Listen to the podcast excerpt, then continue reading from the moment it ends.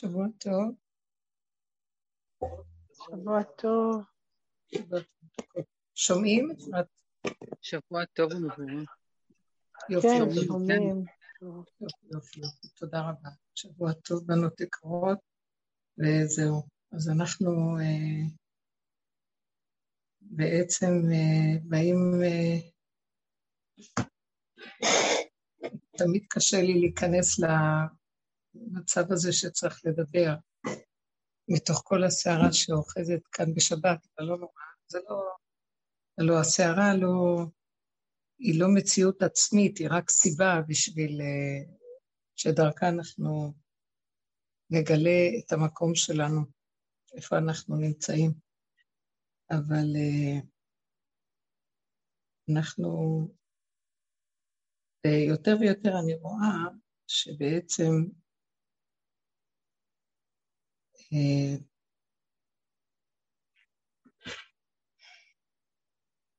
שאנחנו בקצה מאוד גדול, לפחות אה, מה שאני רואה מהכיוון שמוליך אותנו, זה התהליך שמטרתו להוריד אותנו מהמציאות של אה, עץ הדעת לכיוון חדש.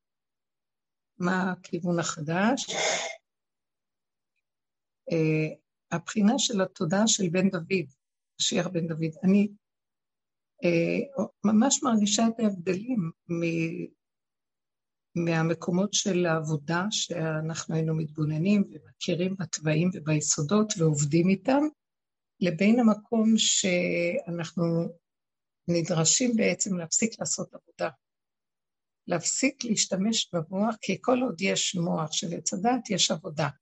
כי זה מוח שהוא חושב שהוא קיים, אז הוא נותן עבודה שהוא צריך לבטל את הקיום שלו. המוח האמיתי שמפסיק לעבוד זה מוח שלא נמצא בתודעה של עץ הדת, זה תמיד מוח, כל דבר זה מוח, כל מרכז חשוב יש לו מוח, גם ללב יש מוח. המרכז של אה, בן דוד הוא לא נמצא במוח של עץ הדת בכלל. הוא נמצא בסגנון אחר, מוח של אה, תוואים, יצרים, חושים.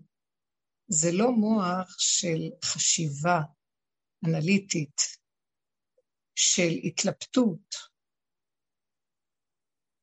אה, אני אביא לכאן, אני התבוננתי קצת בפרשה בעניין של אה, קורח. קורח מסמל את אה, ההשתלטות של עץ הדעת על מצב של, של, של הקדושה. כי קורח היה אדם קדוש, והיה לו אה, מדרגות פנימיות. הוא אפילו ראה, קיבל השגות ברוח הקודש מצד הדת שלו. מה ההשגות שהוא קיבל? זה שהוא ראה את האמת של המעגלים עקיפים של אור אין סוף, שלעתיד לבוא לא צריך את כל הפרטים של תורת משה נדרשת, שזה הלוחות השניים, זה תורה, נשברו הראשונים שהם היו ממוקדים, מרוכזים, שהם היו אה, אור של עקרונות, עשר עקרונות שכשהם נכנסים לתוך מצב שאין מוח של עץ הדת, כי באותו מעמד כל המוח של עץ הדת קרס והם באו למתן תורה עם המקום הנמוך של גולם האדם. אז העשר עקרונות האלה העירו עליהם, ומתוך העשר האלה הם ידעו הכל. הם ראו את כל מה שצריך לעשות, כל, כל הלכה, כל דיברה מעשרת הדיברות, הם ראו את כל המצוות שקשורות בה ואת ההלכות, והם ידעו ברגע אחד מה הם צריכים לעשות, אבל זה לא היה מחסן של ידע. זה, זה שורש שהוא ממוקד שיש בו הכל בכל מכל כל ברגע אחד. זה לא הזמן של הכדור הזה, זה לא הזמן של תודעת עץ הדת, זה לא תפיסה של שכל תודעת עץ הדת. אז היה להם את המקום הזה, ואז הלוחות התלבשו עליהם. כש... נשברו הלוחות האלה לרסיסים, גם כביכול, זה אותה, על אותו משקל, בצד הרוחני, בצד ה... אה, אה, בצד ה... אה, איך אני אקרא לזה במילה? הרדיואקטיבי שבזה, התפזר האור, ל... כאילו גם האור נשבר לרסיסי רסיסים, ואז הוא נהיה הרבה אותיות והרבה מילים והרבה סיפורים, והתורה נהייתה סיפורים על סיפורים, סיפורים, סיפורים, שבתוך כל התורה יש עשר קרונות, ויש ריכוזיות של הלוחות הראשונים, אבל זה התכסה בכל כך הרבה פרטים שקשה מאוד למצוא את זה, וכל מה שעושים המפרשים, שמנסים למצוא כל הזמן איפה העיקרון ולשמור את העקרונות כדי לא לצאת מחוק התורה של האמת. אבל התורה נכנסה בחוקי הדעת, כמובן, בגלל הפיזור והריבוי. ועכשיו, קורח היה לו את המקום של הקדושה להכיר את היסוד של הלוחות הראשונים, שבעצם צריך שכל העיקר בתכלית של העתיד לבוא, ובגאולה השלמה, שלא יצטרכו את כל הפרטים האלה, לא יצטרכו את כל הזמן הארוך האלה, הזה, ולא את כל הריבוי פרטים בכל דבר, והכל יחזור לשורש אחד. כל דבר, אפילו עשר העקרונות יהיו מרוכזים בשורש שלהם, וגם הם, כל אחד יחזור לעיקרון שלו, שהשורש של עשר הדיברות הם אנוכי השם. ולא יהיה לך אלוהים אחרים על פניי, זה כבר אפילו השני. אבל זה אחדות הבורא. אז הוא ראה את זה, ואז הוא אמר, ציצית שכולה תכלת צריכה פתיל אחד, משה רבנו אומר בתורת משה, לוחות השניים המצוות שצריך פתיל תכלת אחד, שמסמל את כוח השכינה, החוט הוא ארוך, יורד מכל החוטים של הציצית יותר למטה, מסמל את השכינה, המלכות שיורדת למטה. אז קורח אומר, אבל נניח שכל כל הטלית היא אה, תכלת, אז זה לא יפתור את החוט האחד. הלוא אם יש את הכלל הגדול, אז הפרט כלול בכלל ולא צריך כלום. זה סוד המקיף. סוד המקיף זה אור אינסוף, שאין לו מדרגות. יש אחד ואמצע וצד ולמעלה ולמטה. בעיגול זה אותו דבר. אין, אין יותר קרוב, יותר רחוק בעיגול, כי העיגול משתווה בכל הצדדים שלו. אז הוא אמר, לא צריך את הפרטים האלה. בית שכולו ספרים, מה הוא צריך מזוזה על הדלת?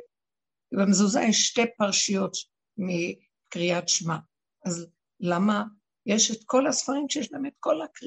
כל השלוש פרשיות של קריאת שמע, וכל המצוות, וכל... למה צריך את המזוזה? Uh, היסוד של קורח היה נכון, והיה לו רוח הקודש להסתכל, אבל הוא לא היה מוכן להכיר שהלוחות כבר נשברו, ועכשיו הפרטים, צריך הכנעה מאוד גדולה כדי לרדת לפרטים. אני רוצה לנגוע באיזה נקודה חשובה. קורח היה מצד הלוויים, הלוויים זה מידת הדין.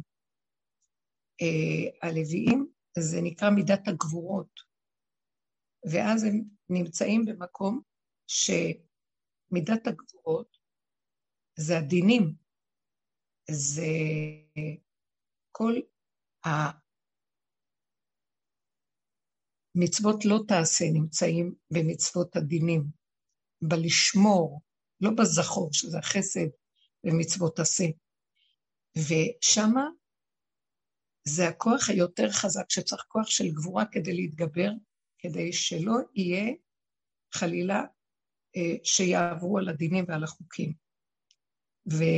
ללוויים יש את הכוח הזה, הם היו שומרים על המקדש, משמרת המקדש הייתה שלהם, הכוהנים היו צריכים לעשות את העבודה בפנים, והלוויים, אה, הם היו שומרים על הר הבית, על כל הסובב, על כל מה שקשור לכניסות השונות לבית המקדש ועל כל החדרים אה, אה, והמקומות שהיו, הזרות שהם היו צריכים להיות שם, הם שמרו למקדש, כדי שלא כל אחד יכול להתקרב. אז העניין של שמור שייך להם, זאת אומרת, מידת הדין קשורה איתם. שזה עמידה יותר בשורשה, יותר גבוהה מהחסד. אבל מאחר והדין, כשהוא יורד לעולם הזה הוא מתלכלך, אז כל העיקר שלו, ובשביל זה השם ברא את יסוד הדין, שהוא דווקא על מנת שבסופו של דבר הוא יתהפך לחזור לשורש שלו, הוא צריך לרדת עד הסוף. זאת אומרת, הדין חייב להתקיים עד הסוף, על מנת שהוא ימצה את כוח הדין שלו, ואז מתוך הדין ומתוך השלילה, יהיה המהפך הגדול שיתהפך הכל לחסד ולדין ממותק, מה שנקרא. עכשיו, קורח בא ואמר דבר גדול, ששורשו במידת הדין הגבוהה, במקיפים העליונים, שההתחלה שלה, תדעו לכם שהכל בבריאת העולם כתוב שהתורה היא באה ממידת הגבורות. אה, אש אה, שחורה על גבי לבנה, כך כתוב, על גבי אש לבנה. התורה עצמה היא, היא שייכת למידת הגבורות, מידת הדין. ובשורשה היא מתיקות, היא אור, היא חיות מדרגה שאי אפשר לתאר. אבל בגלל שנשברו הלוחות, אז הפך להיות דינים. וכל ההשתלשלות של הדורות וכל הנפילה של קורח לבור, לשאול, שהאדמה פצתה את פיה, היא בעצם, כמו ש... נתבונן לעומק, זה גם עבודה של הדרך לקראת הסוף, שאנחנו ניכנס לחורים ולסדקים בדרגות שאפילו אה, הרובד הרגיל בעם ישראל לא מתבקש להיכנס לשם. בתורת משה לא מתבקשים להיכנס לשורשים האלה, כי העם לא יכול, זה מסוכן לו. זאת אומרת, זה יחידים שנכנסים עם כוח המידה של הדין והחוזק, שיכולים להיכנס לתוך השאול תחתיות האלה, ולמה צריכים את כל ה... שאנחנו נכנסים להתבונן במידות שלנו, בשורשים, בחורים ובסדקים, ולא קל לנו. עוברים מעברים לא קלים, לשחוט את האגו, להתבונן בכוח של הנחש ששוכן בתוך האדם, ביצרים האפלים, בתוך הכעס והשנאה והקנאה והתאוות, ולהתבונן בזה, וזה שובר, וזה גם מסוכן, כי אנחנו נדבקים בזה, ואז מידת, מידת הדין כרוכה עלינו. כי התכלית של כל זה, שרק על ידי זה שאנחנו יורדים עם הדין עד הסוף, הוא ממצה את עצמו וגומר את התיקון שלו, ומתהפך, יסוד המהפך. זאת אומרת, קורח ביסודו, אני לא אדבר דווקא, קורח ביסודו היה מיסוד הגבורות העילאים, הגבוהים, שהיה לו אור של קדושה גם כן, וגם היה בעל רוח הקודש. שימו לב מה קורה במקום הזה, כשהקנאה במידות, אם אפשר לסגור את הרמקולים, הקנאה תופסת שם, תפסה מקום, והתקלקל הסיפור, במקום לחיות את הסכנה שלו, הוא הוציא את זה לפועל ודיבר ונכנס. עכשיו, זה נראה כאילו עונש, אבל באמת מה שהוא קיבל זה שהוא ייכנס לתחתיות האדמה, זה שוב פעם אותו יסוד של קטרוג הלבנה, שהשם אמר לה, לכי מעטי את עצמך. זה כל היסוד של גלות עם ישראל שירדנו לתוך חושך האומות. זה אותו סיפור חוזר בצורה שונה. זה לרדת, להיכנס למקום של הגבורות הכי חזקות, ושמה, שמה, אה, לעבור את המהלך עד הסוף, ולא להתבלבל. וזה מה שגורם שיתהפך הכל, ומאז יוצא מתוק, ועבד מעשו הבונים הייתה לראש פינה. אבל תמיד הסכנה בתוך כל המעברים האלה, שהקליפה של עץ הדעת אה, תגנוב אותנו, ולא תיתן לנו להיכנס בעבודה נכון, היא תגנוב את העבודה שלנו. אני רוצה להתייחס למקום הזה של המלכות של שאול המלך, שהייתה המלכות הראשונה, והמלכות של בית דוד. הכוח של מלכות בית דוד זה לגמור ולשחוק את עץ הדעת שלא יהיה לו מקום, והפעולה של החשיבה לא תבוא מהמוח של עץ הדעת, כמו שהעולם נמצא בה. זה לא יבוא משם. זה יבוא ממקום של הגוף. הפה שלו ידבר מה שהמוח לא מבין, מה, מה הוא מדבר. זה גדר של נבואה. בעוד ששאול המלך היה מחשבן, הוא היה אדם רע מעם, הוא היה צדיק, המלך הראשון ששמואל המליך על עם ישראל. הוא היה אדם שיש לו דרגה, עניו, נוע, צדיק, אבל הוא היה מתלבט הרבה. הוא לא יכול היה לעמוד במצב, המוח היה משתלט, ההיגיון של המוח השתלט עליו. זה קרה לו פעמיים חזקות, שבספר שמואל מסופר על כך שהוא, שאול המלך, כשהוא משך אותו למלך, אז הוא גם אמר לו, הוא גם אמר לו שהוא צריך להקשיב וללכת רק בדרכי השם. וכשהוא, שאול אמר לו איזה דבר, שבדבר שהיה צריך להקריב איזה זבח, רק שנייה אחת, סליחה.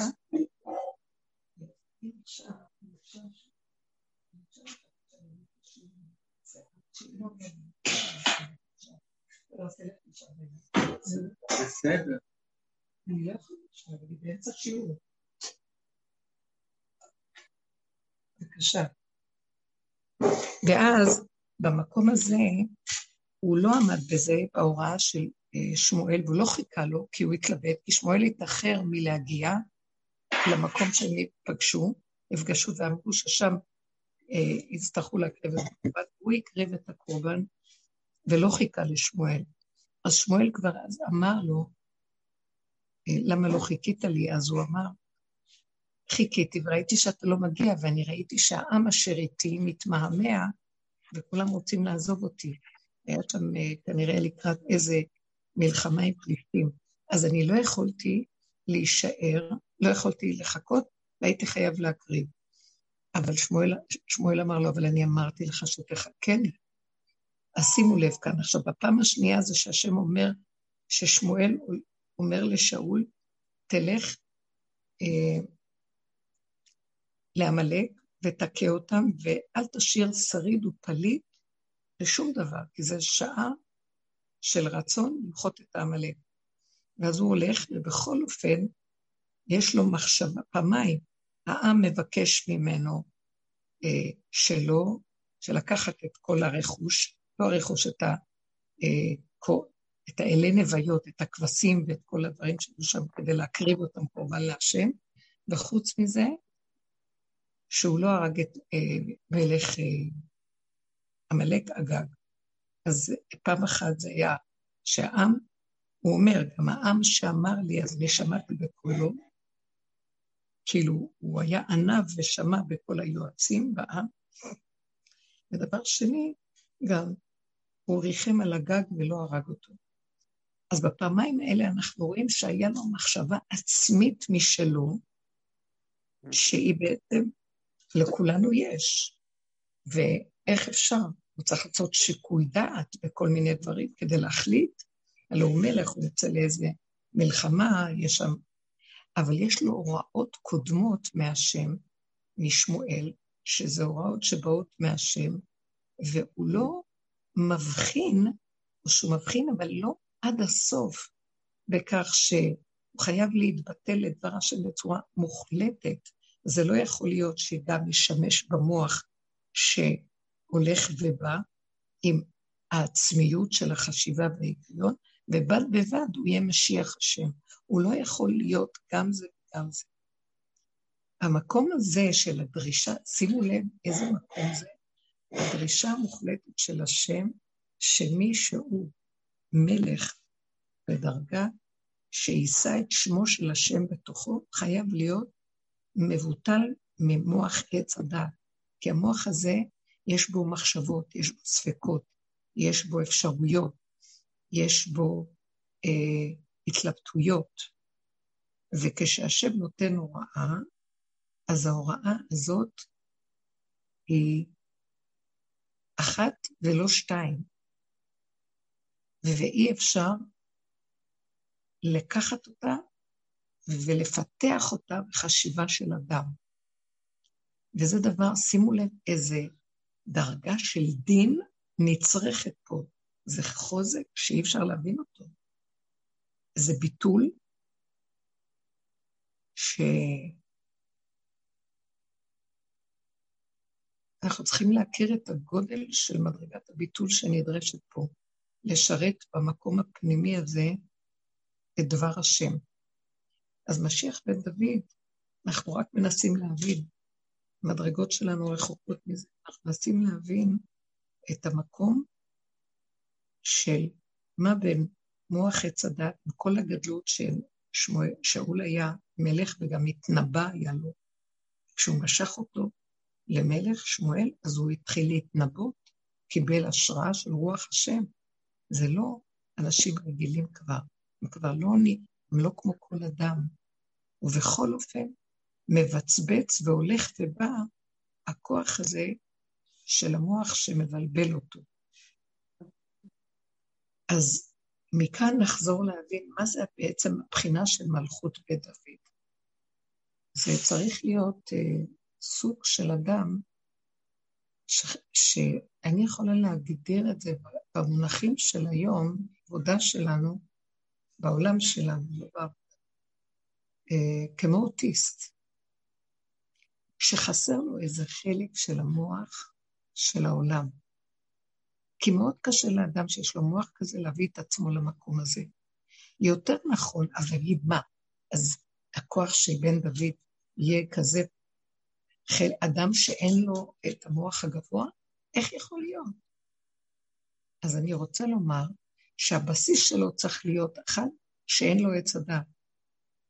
והשאר, השם כבר יוסיף לו.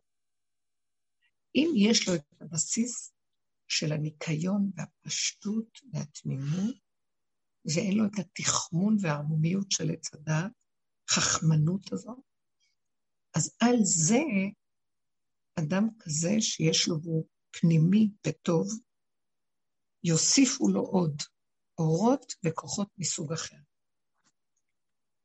אז שימו לב, אז יכול להיות שאדם, גם אני, אני מנסה להבין, אדם כמו רבי עקיבא, שהיה גדול בדור, אי אפשר לתאר את גודל מעלת החוכמה שבו, חוכמת התורה והדרגה, הוא כל הגמרא של רבי עקיבא. זה מוח גאוני של פלפול ועוצמת ריכוז ועוצמה של דיוק עם המחשבה. בד בבד הוא היה יכול על כל הלכה, על כל uh, תג שיש בספר התורה אותיות, יש על זה תגים, לדרוש תילי תילים של הלכות. אתם יכולים להבין את הדבר הזה? הוא יכול היה למצוא כל כך הרבה פרטי פרטים בכל דבר. הוא לקח את העיקרון, ומהעיקרון הזה הוא הוליד פרטי פרטי פרטי פרטים. אמרו ששלמה המלך היה אדם מאוד חכם, הלוא שלמה חכם מכל אדם, נשא את משלוש שלושת אלפים. זאת אומרת, שעל כל עיקרון של נקודת חוכמה, הוא יכול לתת שלושת אלפים דוגמאות.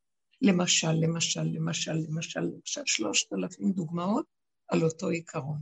זה דורש מוח ריכוזי, זה דורש אפשרות ראייה רחבה מאוד, זה דורש אה, הבנה עמוקה של דבר בתוך דבר. עכשיו, משיח לא נצרך לזה. משיח בן דוד, יש לו משהו פשוט, נקי, אבל יש לו לב בוער. לב בוער, ישר, דרוך, חזק, שהחושים שלו, המציאות הפנימית שלו מדברת ממנו. זה לא מדעת. עכשיו, על זה אחר כך יושב האור הגנוז, שזה דעת מה, מהראש הלא ידוע, רשע דלית יד. זה הדעת של אור אינסוף, שאין לה דעת. היא דעת של הלא יודע. מהד... מהמקום הזה של איפה שהוא נמצא בניקיון פשטות, בכלים הפשוטים שלו, משם הוא מקבל את השכל הכי גדול שאי אפשר להבין אותו. כי זה לא שכל של אני יודע, זה שכל ש...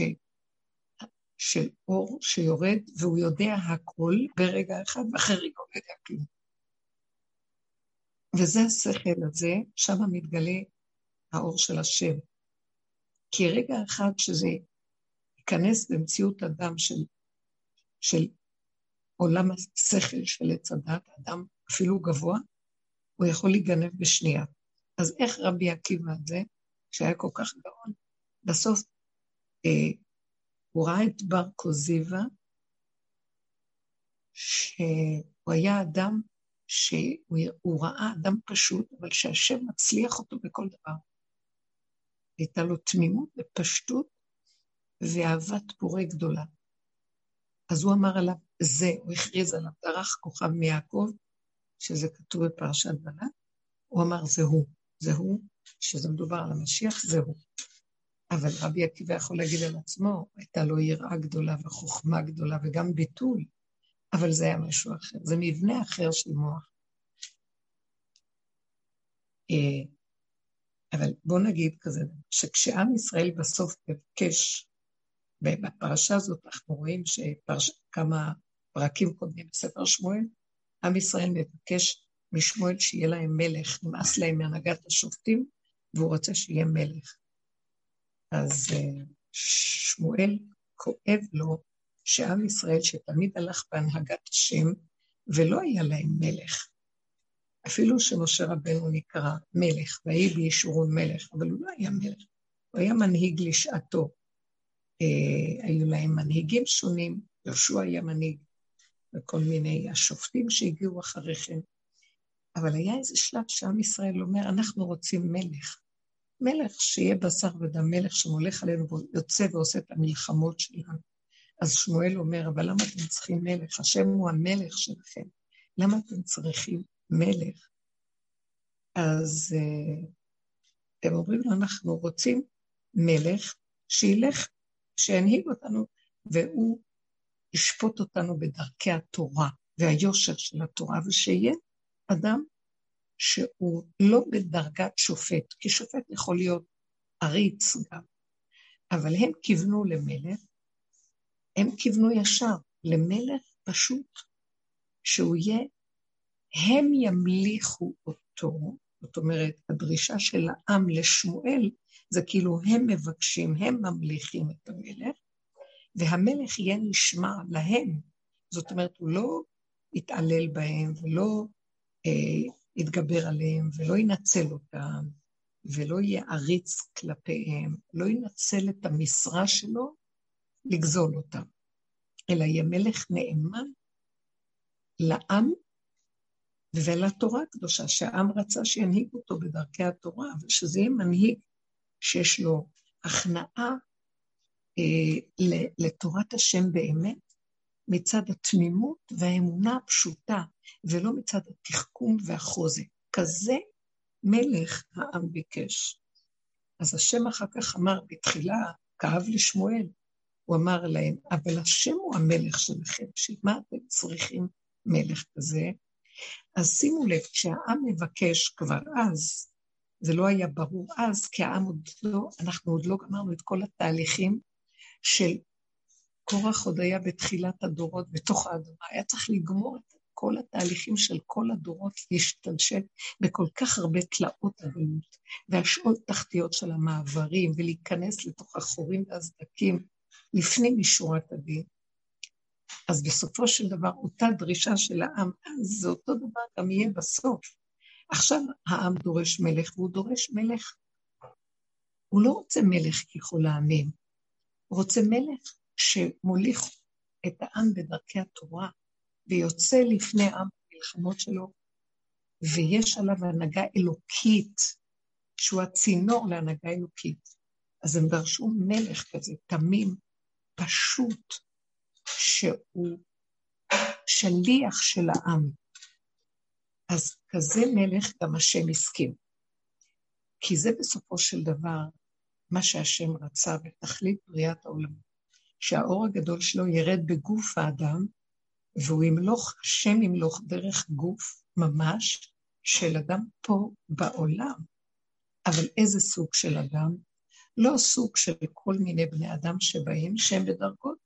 גם השופטים היו בדרגות חשובות, אבל הם היו עוד מעורבבים עם אה, מוח של עץ הדת, עם אה, אינטרסים אישיים, עם נגיעות וערמומיות של מוח שיכול לגנוב את האדם. וזה גם שאול, שנמלך לפעם הראשונה, עדיין לא היה בדרגה. דוד הוא היסוד של המקום הזה. אז כן, בסופו של דבר, עם כל זה שבתחילה השם אומר, לא אותך, שמואל, למה עשו, כי שמואל היה המנהיג שלהם. למה הם היו צריכים מלך?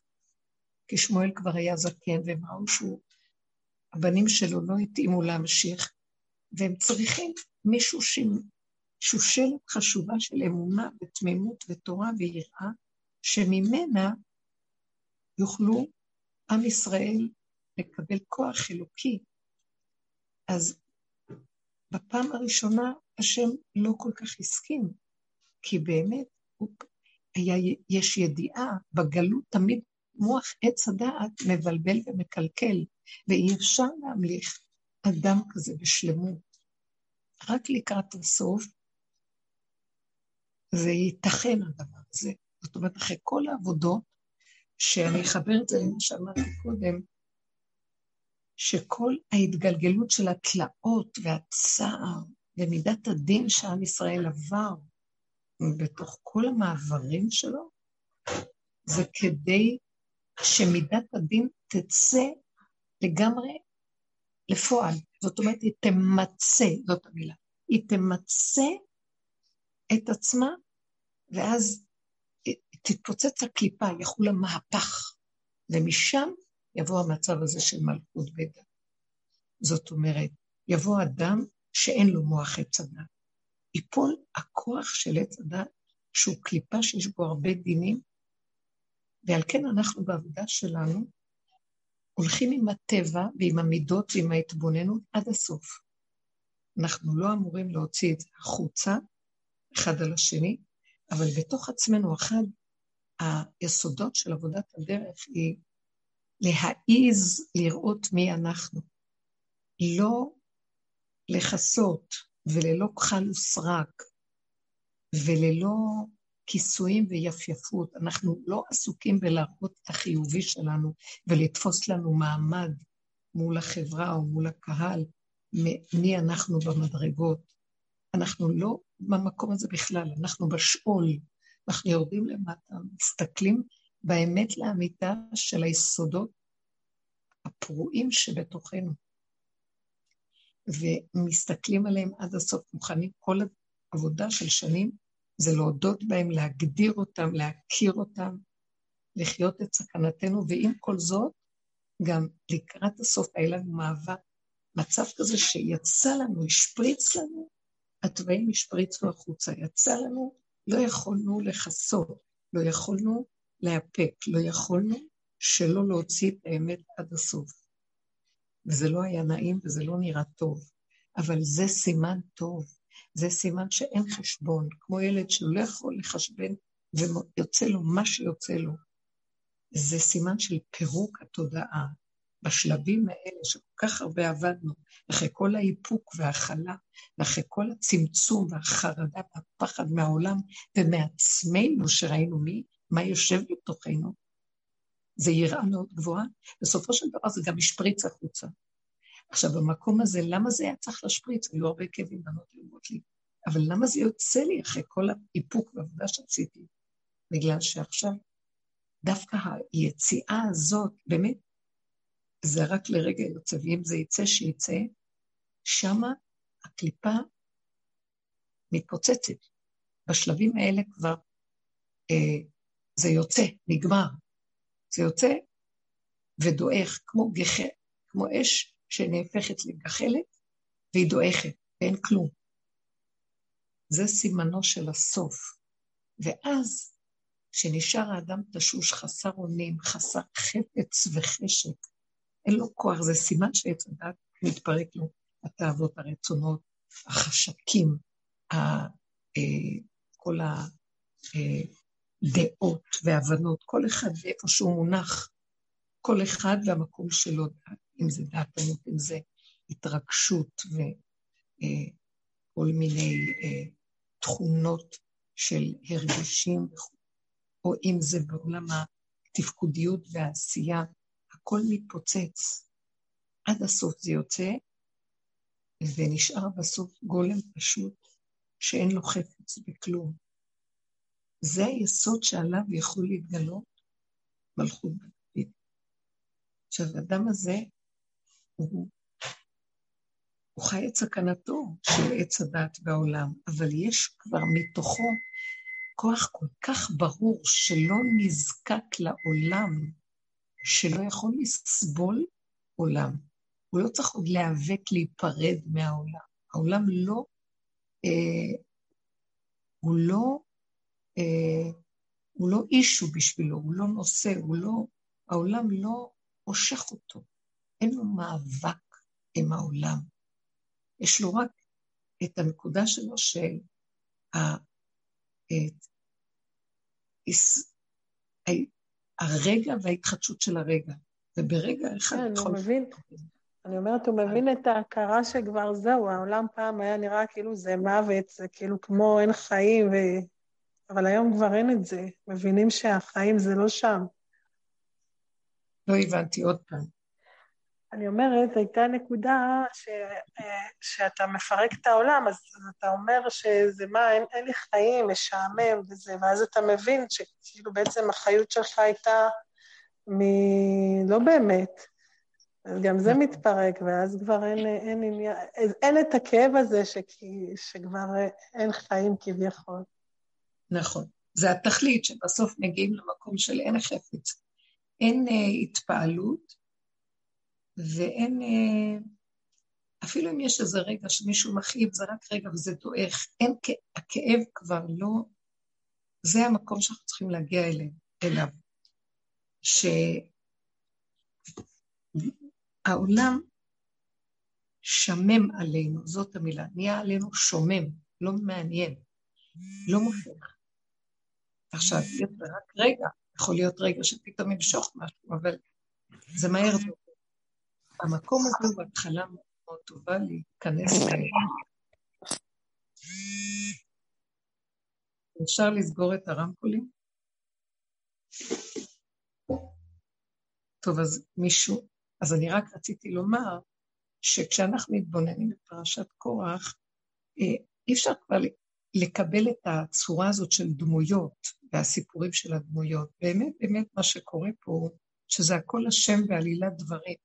גם קורח ועלילת הדברים, היא מסמלת בעצם את התכלית של מידת הדין, שהיא בשורשה גבוהה מאוד וראשית הכל, והיא יורדת עד השאול תחתיות, על מנת לפרק ולהוציא לפועל את כל הכורח שבתוכה, לפרק אותו ולהדמים אותו. זאת אומרת, בואו ניקח את היסוד הזה שדיברנו, וננסה לשים אותו, מה אני מתכוונת במצבים המעשיים שלנו. אני רוצה שניגע בנקודה שהשם יאיר לי וייתן לי את הדיבור. כי לדייק, לא לפחד משום דבר שקורה לנו. Uh, התפוצץ משהו הכי קשה, לא להתרגש, לתת לזה לצאת, לא להתבלבל משום דבר, לא להתפעל. העניין הוא שהיציאה שהדבר יצא, בשיא הגבורה והכוח שבו, שיא בוא נגיד, כעס, שנאה, רוגז, חרדה, פחד, מה שלא עובר על האדם. זה סימן שבאה איזו סיבה והוציאה את זה החוצה, זה סימן של התפוצצות הקליפה. לא מה שפעם היינו עושים כשהיה עוד מלחמה בתוך עץ הדת, היינו בצער מזה. עכשיו זה לא צער, זה דווקא טוב. זה מפרק, זה, זה מפוצץ ונגמר. המקום הזה מדמים ומשמים את עץ הדת. זה הסוף שלו. שזה יוצא, אבל עכשיו זה קורה, זה לא צריך אה, לקרות כל הזמן, זה קורה לרגע, זה קורה, אה, זה קורה. אבל אם זה קורה, העבודה שלנו עכשיו לא להצטער, לא להתרגש ולא להתפעל, ולעבור הלאה, לא לתת לזה שום משקל ומקום. זה עובר דרכנו וזה גורם, זה, זה פיצוץ הקליפה, פיצוץ הבלון, וזה בסדר שיתפוצץ. זה לא קשור לבני אדם, זה לא קשור לכלום. זה, במקום הזה צריך להיות לב אבן לעולם. אסור שאנחנו נחזור ונגיד, למה זה קרה לי? זה עוד התדר של עץ הדעת שיש לו טוב ורע, ואני בצער על מה שקרה לי, לפרש את זה כדבר שלילי. למה יצא לי כעס? למה יצא לי הרוגז? זה לא לדרוש עבודה מעצמנו, זה לא לבקר, זה לא לשפוט, זה לא לדון, זה לקבל.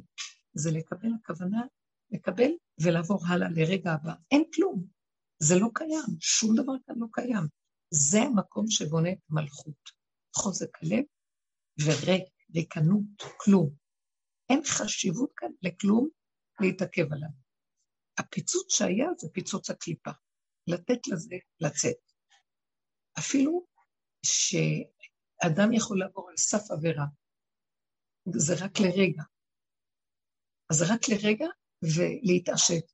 והעיקר של כל העבודה עכשיו, אם נשארה איזו עבודה, זה לחזור לכלום, כאילו כלום לא קרה, לסגור את הכל, ובשום אופן לא להישבר. זה עכשיו, זה הולך למקום אחר לגמרי. זה הולך למקום שזה בדווקא חייב לצאת ולתת את הפיצוץ שלו. וזה לא קשור אליי. זה הסוף של הדבר. אה, המעברים הסופיים האלה, וכשאדם נשאר חזק בתוך הנקודה שלו ולא מתפעל, ולא מתרגש, ולא מפרש, ולא מבקר, ולא שופט, ולא מתבונן בעצמו, ולא דן את עצמו, אלא עובר לרגע הבא כאילו כלום לא היה, וסוגר. לא מתפעל בכלל מסדר העולם, חיובי, שלילי, והמדרגה שלו שם. אין מדרגה, אין כלום, ריק, וככה ונגמר. זה היסוד שמזמין אור חדש להתיישב בו. אבל חזק לחזור. התכלית בסוף זה מחיקת עץ הדעת שלא נוכל לסבול, אם מישהו ייתן לנו מחמאה, לא נוכל לסבול את המחמאה. אם מישהו יגיד לנו משהו חיובי, לא נוכל לשאת את זה. זה לא, שנוכל, זה לא שאנחנו נגיד, לא, לא מגיע לי, זה כאילו, זה אפילו יהיה מקום של, אה, אני לא מבין מה אתה אומר. שאט נפש אפילו. זה מקום של התרוקנות מהספיחים של עץ הדת. זה שלב יותר עמוק שאנחנו נכנסים בו. זה המקום ששם קורח קם מהשאול תחתיות שלו, והמלכות מתחילה להתחדש בישראל. אמן, מקסים. אמן, כן, יהי רצון. אולי מישהו רוצה לשאול משהו בנושא הזה שדיבר, המקום. כי כל הדיבור היה כדי לתת את המקום הזה שעכשיו אנחנו מדברים, של הצמצום החזק, שלא מתפעלים מכלום.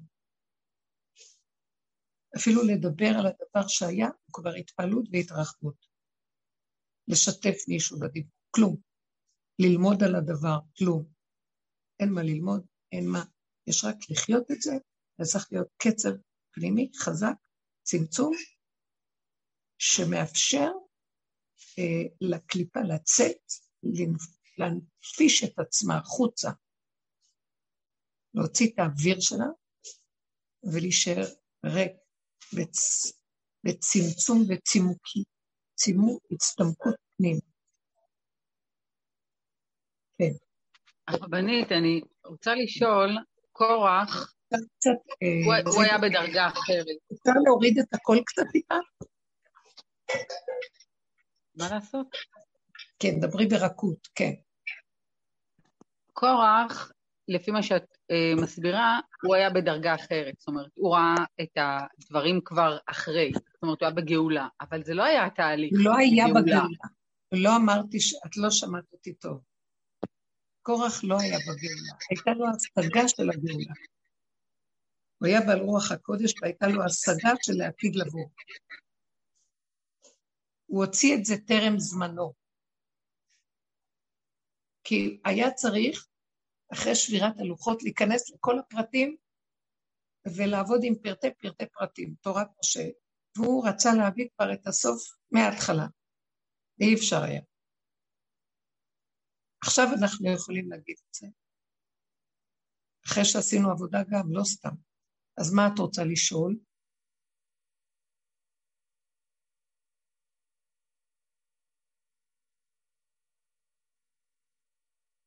את איתנו? את שומעת? כן, אני שואלת אם, אם בעצם, אז עכשיו, אז אנחנו כבר לא שם, אנחנו כאילו עברנו את קורח כי פירקנו בעצם, ואנחנו עכשיו אה, בעצם הפוך ממנו, אנחנו כאילו הראיית גאולה שלו מא, מאותה תקופה. זאת אומרת, אנחנו המשך עבודה שלו במובן של בעצם אנחנו באמת... אנחנו זהו. בואי אני אגיד לך, אנחנו זה הוא. אנחנו. זה הוא. אוקיי. רב אושר היה אומר, כל מי שהגיע לחצר שלו, מאנשי קורח ועדתו. זאת אומרת, זה, תביני את זה, זה בעצם, זה גם מה שהשם אומר ליונה, לך לננבה ותקרא עליה את הקריאה. ויונה בורח, הוא לא רוצה לרדת למקום הזה. אף אחד, היהודים לא רוצים לרדת למקומות האלה. היהודים הם צדיקים, הם צדיקים בדמיונות שלהם. הם לא מוכנים לתת את השוונק האחרון, לרדת לתוך שורשים. נכון שבמשך הגלות אנחנו היינו בתוך אומות העולם ועברנו תהליך נוראי, שבתוך אומות העולם שכנו, תוך השלילה של אומות העולם. אבל זה היה כקבוצה כללית ומתוך התורה ומתוך תודעת עץ הדעת, רק בתורה. אבל כשאדם יתנדב לרדת למקומות שהם חשוכים, זה מאוד קשה לעשות את זה בזמן הגלות. זה צריך להיעשות בתוך המצב הפנימי של אדם כשהוא כבר בסוף, לקראת הסוף. זה תהליך כמו של לידה. לקראת הסוף יורדים למקומות שהם יותר חשוכים מתהליכי ההיריון. גם ההיריון זה לא קל, אבל לקראת הסוף זה חשוב, מאוד חשוב. אה, הלחצים והאין היגיון והמלחמה הגדולה מתנהלת בכבדות. זה המקום הזה. אז זה המקום שאנחנו בעצם בשאול יחד עם קורח. זה המקום שיורדים לשורשים האלה, שלא רוצים לרדת אליהם, אבל חייבים לרדת אליהם כדי להביא אותם לסיום, מה שנקרא להתגרות בקליפה ולהוציא אותה החוצה ולהכיר אותה ולשים עליה פנס ולפרק לה את הצורה. היא דמיון, אבל יש לה ציור, והציור הזה מקבל חיות מהדמיון של האדם, כאילו זה חיה באמת. אז כשאנחנו מסתכלים ורואים, אבל אין שם כלום, אז זה עבודה של הסוף, מה שאנחנו עושים. אז קורח ירד לתוך המציאות של העומק של השאול תחתיות. גם דוד המלך אמר, גם כי ילך בגיא צלמוות לא ירא גם הוא ירד למקום הזה, בתוך עצמו. הוא עשה את כל העבודות, גם הפנימיות. בסוף, שיגיע איזה אדם שהוא גם עובר תהליכים, אבל זה כבר כל הדורות עבדו. גם דוד המלך עבר את התהליכים שלו, אבל ביסוד האישיות בסוף נשאר מרוקנים כמו אנשים שאין להם את המוח של העולם. זה מה שנדרש מאיתנו. מוח של העולם זה מוח, אה, מוח של העולם זה מוח כבד. הוא מוח שלא נותן לנו את התמימות של להקים את דבר השם ואת התורה בפשטות, בפשטות, איך שהשם מבקש מאיתנו, בלי התחכמויות. בלי התמימות. אבל זה נהיה מסוכן. התמימות הזאת של להאמין כאילו, כמו ילד, את אומרת, זה, זה מסוכן. אנשים מסביב מחפשים... לא, לא, לא, אה, לא, את מערבבת, תעצרי, תעצרי. במקום הזה אין מחשבה. ילד אין לו מחשבה כמו שלך. השם שומר עליו. יש עליו השגחה פרטית. יש עליו השגחה שאת לא לוקחת אותה בחשבון. את מדברת מהמוח הרגיל ומכניסה את המוח לאפשרות ש... אם אין שכל, אז בטח זה מסוכן. פה זה המקום של האדם, כן. תתהלך בתוך העולם ככה, ויש סכנה, ותראה איך שההנהגה של השם, דווקא בגלל הסכנה הזאת, חייבת להתגלות. דווקא בגלל הקונטרסט, שאתה בתוך עולם של חיות, וחייב להיות לך הגנה, חייב להתגלות משהו. ויש לי דוגמה לזה. זה המקום שנדרש, מהנהגה האחרונה. לא לפחד, לא לחשוש, לא לחשבן, לא להבין, לא לדעת, להתהלך כל רגע, איך שזה. ורק להיות עם תפילה פנימית צמודה של שמירה, כי יש לנו ידיעה שזה סכנה, אבל רק שמירה. תשמור עליי, תגן עליי. האור הקדוש שלך יעטוף אותי. הוליך אותי איתך, כי אני חי בעולם מסוכן לי. אבל זהו, לרגע וזהו. לא להרחיב את המחשבה הזאת. כן. אפשר לשאול? כן. הרבנית אה, קראה סתם, השבוע עשיתי מנוי, אז אה, תהיתי למה קראת, זה קצת קשור. למה מה? שפ... למה האתר נקרא שפה ברורה? זה גם משהו כזה עתידי, נכון? כן, נכון, נכון. נכון. מה, מה, אה, מה מסתכל אני יכולה? רגע לחל... לחלק את האתר, ככה התחלנו איתו, שפה ברורה, בגלל שהדיבור שלנו בפירוק של עץ הדת היה, השם נתן שכל מאוד דק וברור ועדין, להיכנס בחורים ובסדקים של התוואים ולהגדיר אותם ולהכיר אותם ולקרוא להם בשמות ולאבחן אותם, וזה היה מוח מאוד דק ועדין שחדר לעומקים והתאים והוציא את הדיבור וההגדרה בצורה מאוד ברורה וחדה ואמיתית, וכולם הכירו בזה. השלב השני שאנחנו מדברים עליו, שאנחנו כבר הרבה זמן בו נמצאים, הולך ומתעצם, זה השלב שאני קוראת לו, היינו צריכים לקרוא לזה האתר, לאתר, השפה ה-71. זו שפה חדשה. זה אור חדש, דיבור אחר. כן, אז מה רצית לשאול?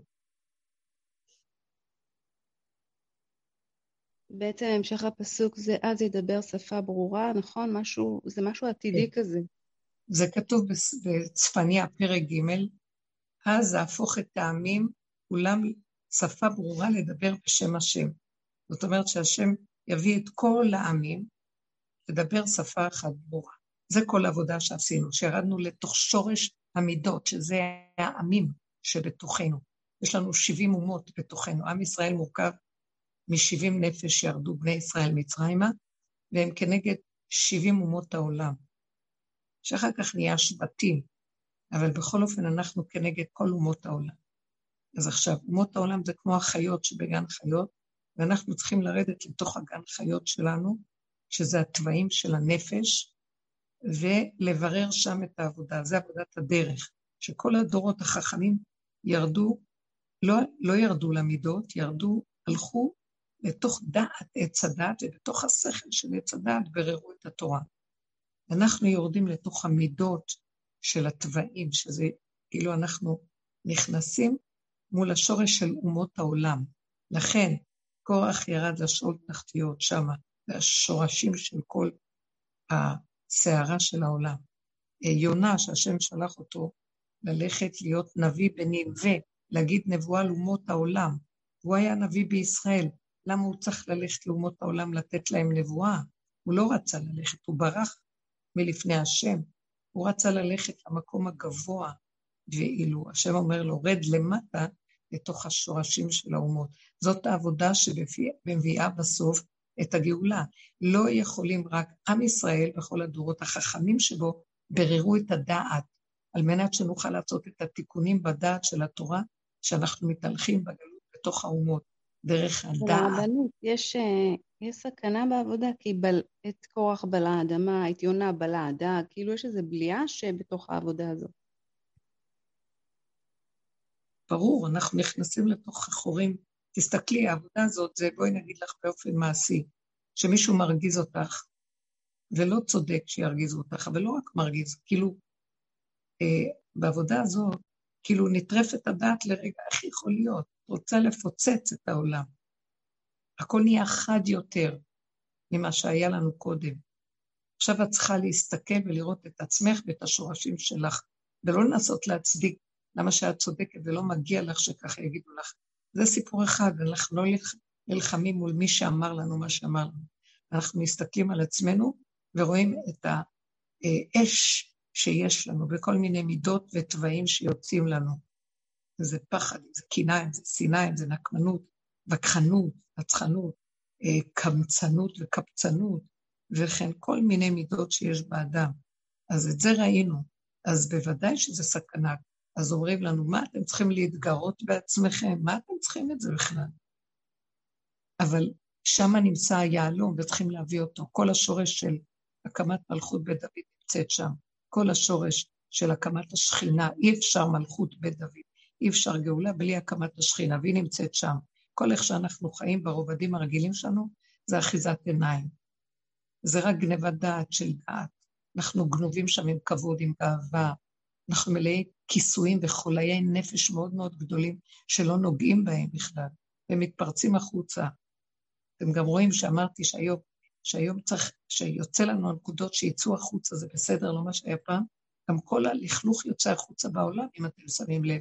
הכל יוצא, וזה כל כך יוצא חזק שאין אפשרות בכלל לאפק אותו, וגם השיטה לא לאפק בכלל, לאפשר לכל אחד להוציא את כל מה שבא לו, והכל מקובל.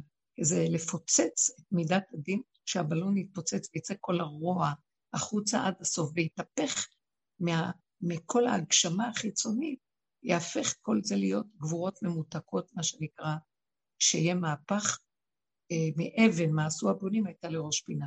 אז כשאדם אומר זה סכנה, אז זה באמת נכון, כל הדורות פחדו מזה. אבל אי אפשר לגמור את כל עבודת הדורות ולהביא גאולה בלי להיכנס למקומות האלה, וזו העבודה שאנחנו עושים בדרך. נכון, זה סכנה, אבל זאת העבודה, השם איתנו גם בתוך הסכנה הזאת.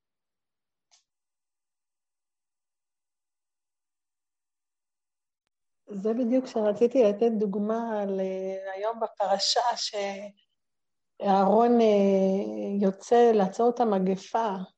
אז בדיוק אה, ככה היה דיבור כאן. מה הוא רוצה לעצור? שהוא יוצא לעצור את המגפה בין החיים למוות, שהוא אומר לו... עם הקטורת, כן. אז, אז, אז היה כאן שיחה שאיך הוא לא פחד, איך הוא... הם רוצים, אה, הם מתלוננים עליהם והכול, והם עומדים ככה מחוץ למחנה, הם עומדים מחוץ לאוהל, ו, והוא יוצא להציל אותם כביכול, לעצור את המגפה, איך הוא לא פחד. אז, אז ישר אמרתי שאין לו פחד, אין לו, אין לו, אין לו את המקום שלנו, את הספק, ומה יעשו לי, כן, פשוט הלך. הוא הולך בדבר השם.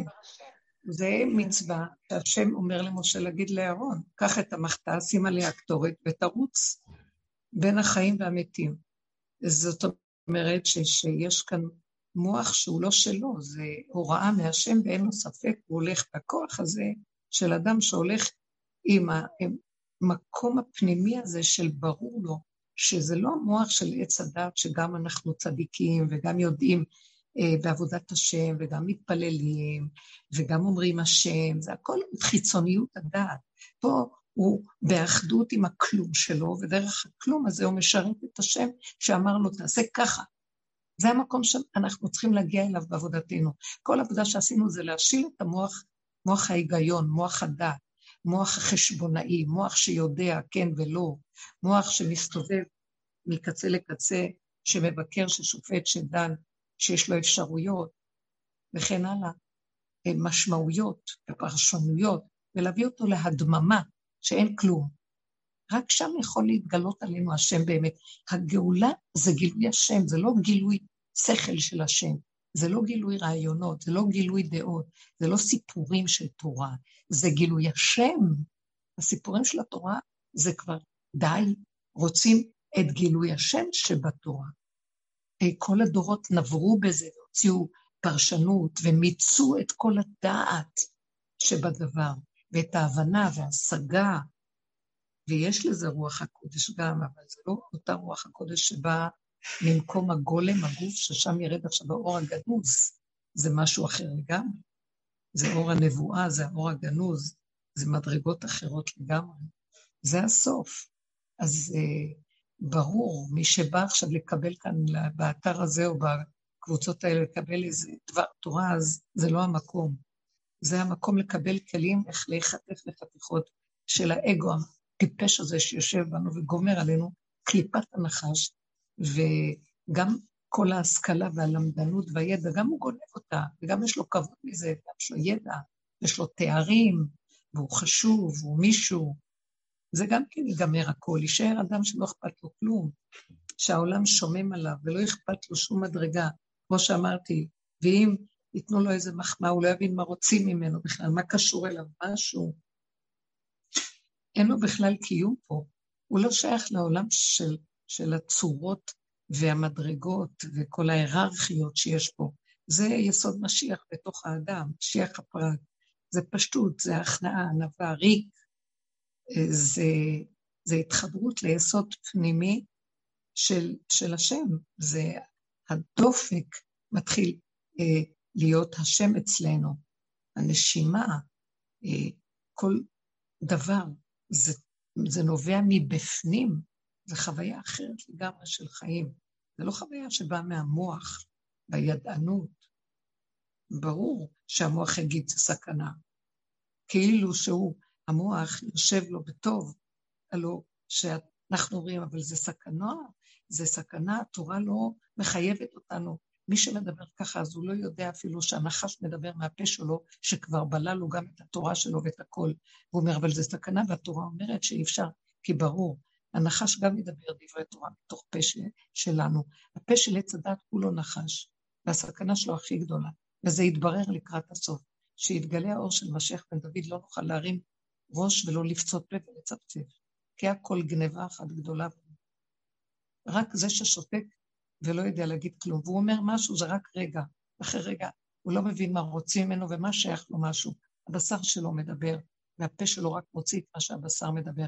ואילו אנחנו מדברים מהמוח, והפה מוציא מהמוח את הדיבור. זה בדיוק תהליך הפוך. אז אנחנו במקום שאנחנו שואפים לכיוון הזה, כי כבר הסוף של התהליך של העבודות, סוף עץ הדת, סוף פירוק וסוף הפרשנות והמשמעות זה כבר, אה, זה סוף של שפה ברורה והתחלה של השפה ה-71.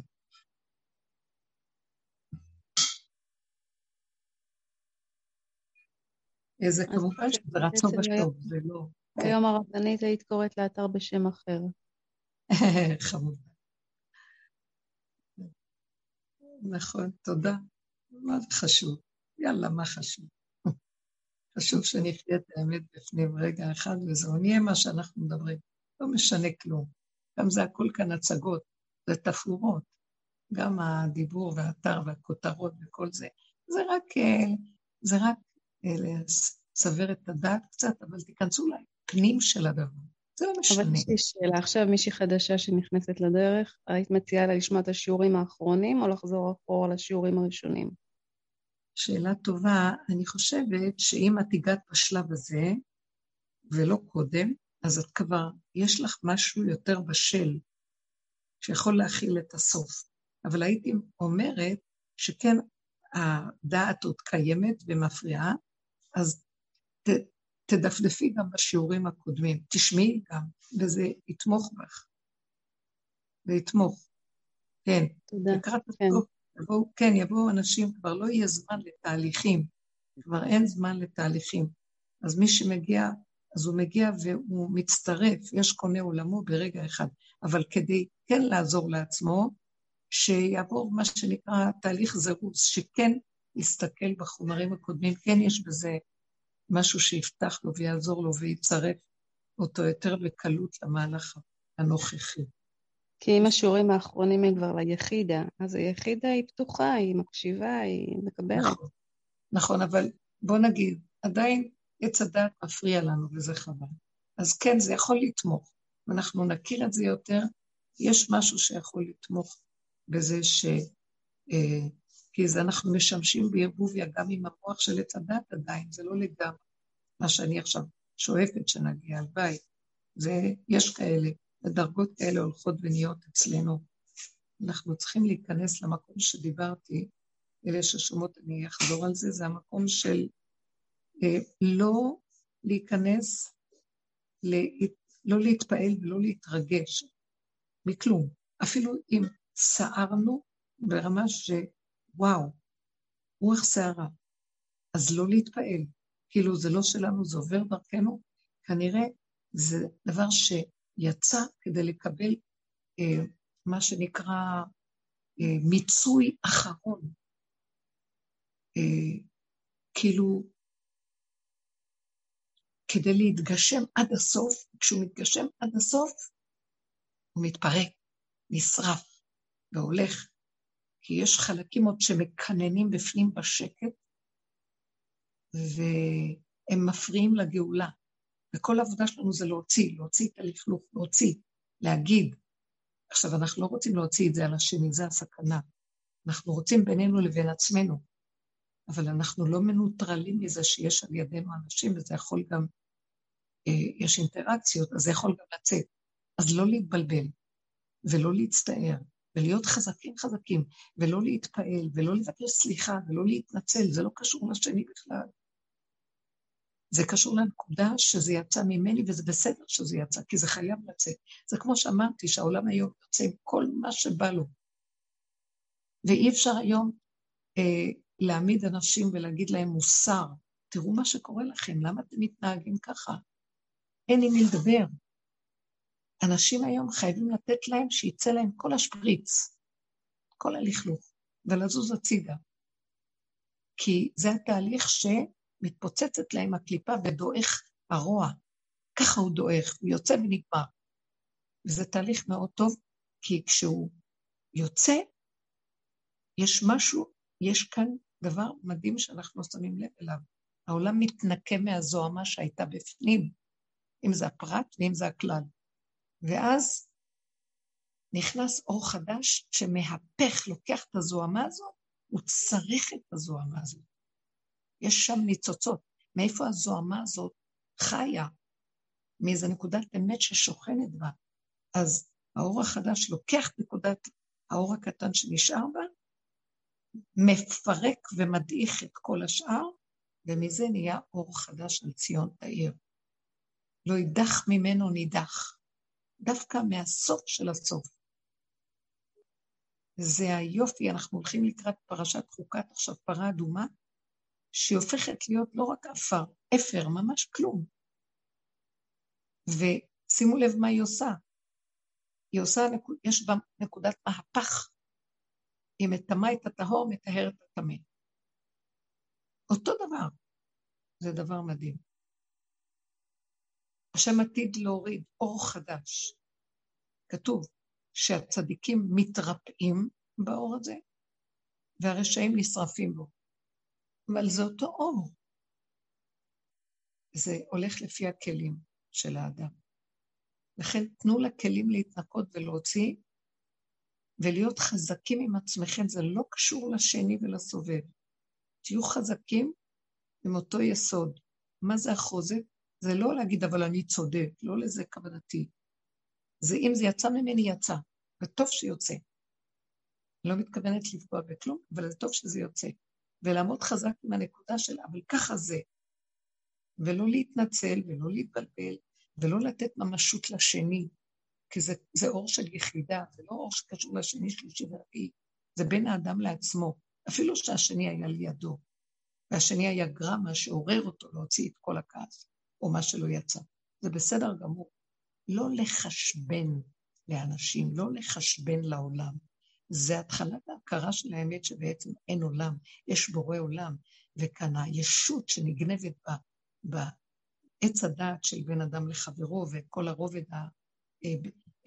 הגירוי אה, אה, תגובה, חיובי שלילי, נכון לא נכון, אני אתה, זה שקר, אין כלום. נתחיל לקבץ את החלקים שלנו מכל התרבות החברתית מדי, חברתית, מחשבנת מדי, מדי מוחצנת, ויצטרכו להכניס את כולנו פנימה למקום הזה. אנחנו בדרגה הפנימית הזאת, עוד יותר פנימה, עוד יותר צמצום של עוד יותר הכרת היחידה, וזה המזון שלה. זה כמו אוטיסטיות מסוימת, אבל היא נכונה, היא פנימית, היא של עבודה.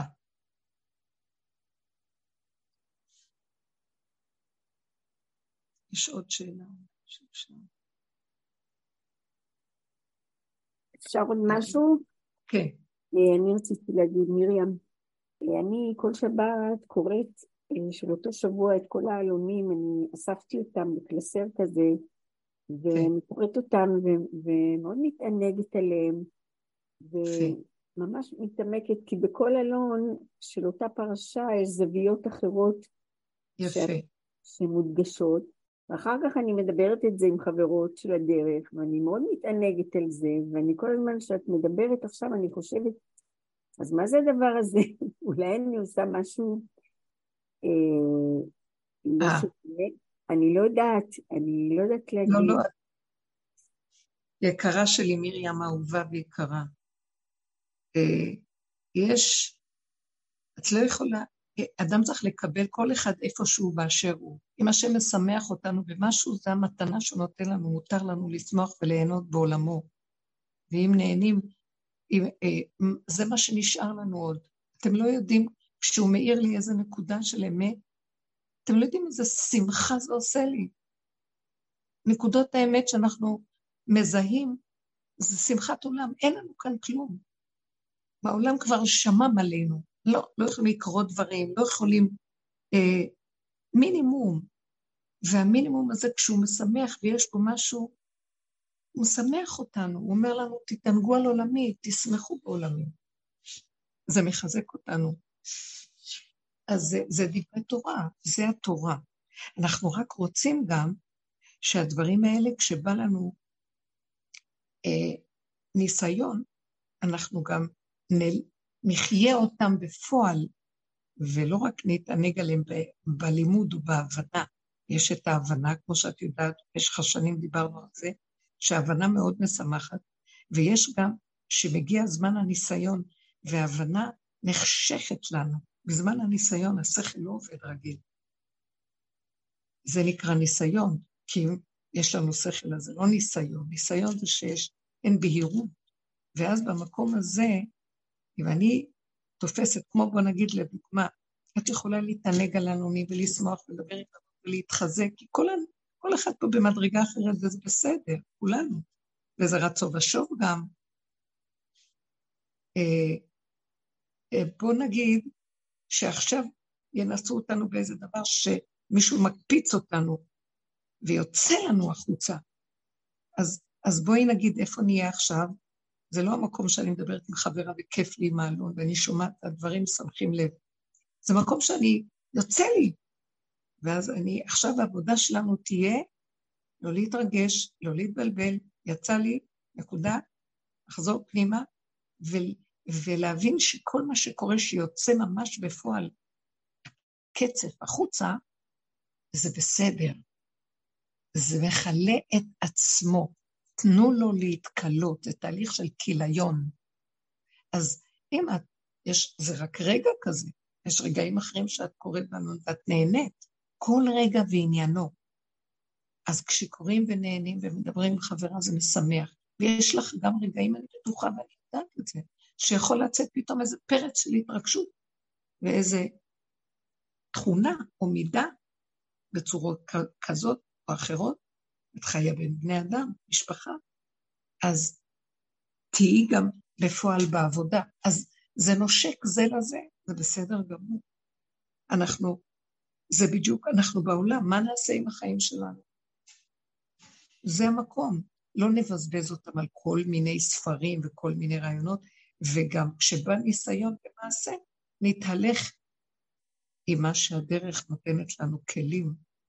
אבל אני מרגישה שה... שההנאה הזאת והלימוד הזה, יותר ויותר ויותר הם שנותנים אחר כך את יכולת בזמנים של הסערות, כי הייתי לפני כמה ימים חולה, היה לי איזה וירוס, מאוד חולה, מאוד הרגשתי לא טוב, מאוד מאוד.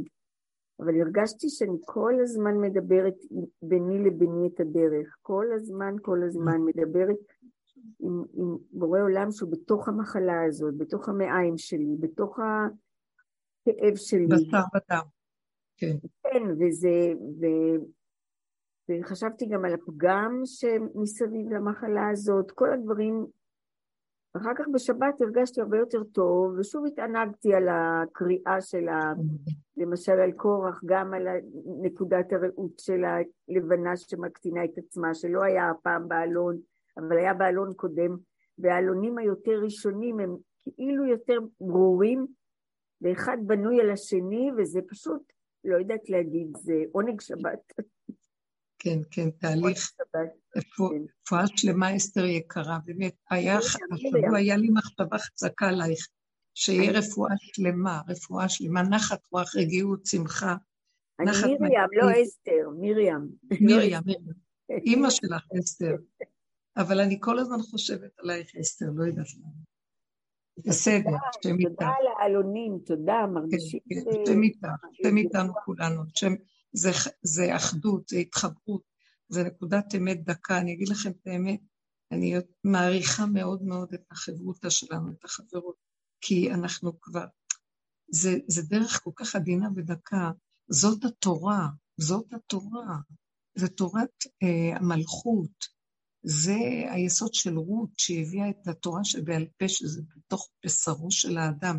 היא העלתה את הכוח הזה, היא לא הביאה את זה, אבל היא הייתה בפועל מבשרה, היא חידשה את ההלכה הזאת בתוכה מואבית ולא מואבי.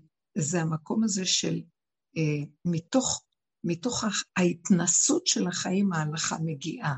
זה דבר גדול מאוד, וזאת התורה השורשית שהיא, שאנחנו מתקרבים ללוחות הראשונים, גמרנו את התיקונים של השניים, די, זה כבר חוזר למקום של התחדשות, וגם הלוחות הראשונים, עם דרך השניים כבר זה יהיה אור חדש, זה הלוחות השלישים, קראנו לו במירכאות, כלומר זה כבר השתלבות של אור התורה שהתגלה בהתחלה בתוך כלים שהם ריקים, נקיים, שאין בהם חפץ של עולם, רק זה מה שהשם רצה שהוא ברא אדם ראשון, ורצה שיהיה לו עם ישראל, עם שלו, זה שיהיה כלי שדרכו האור האלוקי מתגלה בעולם ובכל העולמות. עולם כדור הארץ הוא מדגם מייצג של כל העולמות. יש בו את כל יסודות, כל הגלקסיות וכל כוכבי הלכת, כל פה בכדור הזה. והשם ארץ ישראל מכילה את כל הארצות, וכל הארצות מכילות את כל היקום. זה דבר שבתוך דבר, אה, כמו שחז"ל מנו, עשר קדושות, עד שקדושת קודש הקודשים היא הקדושה שבתוך כל העולמות, עד לסוף הדרך. שם זה גילוי השם. הוא רצה גילוי, והעולם לא רצה, לא נתן את הגילוי שלו. יש התנגדות להשם בעולמות שהוא ברא. יש מלחמות להשם. אה, אנחנו רואים, עושה שלום במרומיו, הוא יעשה שלום עלינו. מה הוא צריך לעשות שלום במרומיו? משמע שיש לו מלחמות שם, בשמיים. זה, זה עם ישראל. כתוב, תנו עוז לאלוהים, על ישראל גאוותו. אנחנו צריכים לתת לו עוז. אנחנו עוזרים לו בכל ההתנגדות שיש ביקום לגילוי מלכות השם. יש מלחמה, של התנגדות לגילוי מלכות השם. והעבודה הזאת שאנחנו עושים לפרק את תודעת עץ הדת שגונבת את המלכות ומדמה את עצמה כאילו במקום השם, זאת העבודה שאנחנו עושים עד שבסוף נמחקת התודעה הזאת, היא דמיון שגונב ואין בו כלום. זה עץ הדת, והשם מרחם עלינו ועוזר לנו שנזכה להיות חלקו ונחלתו, ונזכה להיות כלי להשראת האור החדש, אור השכינה תקומת, השכינה תקומת עם ישראל, גילוי השם בעולמו, שיתבע הקדוש ברוך הוא, שתהיה לו פה דירה בתוך מציאות האדם החומרי, אבל זה חומר אחר. זה כבר לא חומר מגושם, כמו שלפני העבודה של עץ הדת, כי כשעץ הדעת נמחק, אז החומר הוא חלק גדול של ההגשמה שלו נעלם. כי הדמיון שהתלבש על האדם הגשים ומקלקל. וכשאנחנו מפילים את ההבלים על ידי העבודה שאנחנו עושים, אז נהיים ריקים, נקיים, שגם החומר כבר אין בו ממש. אז זהו, שיהיה שבוע טוב, תודה רבה. אור חדש לציון תאיר. תודה רבה, שבוע טוב. תודה, גל, תודה לכולנו. הרבה נחת. שבוע טוב, שבוע טוב. שבוע טוב. תודה רבה. תודה. שבוע טוב.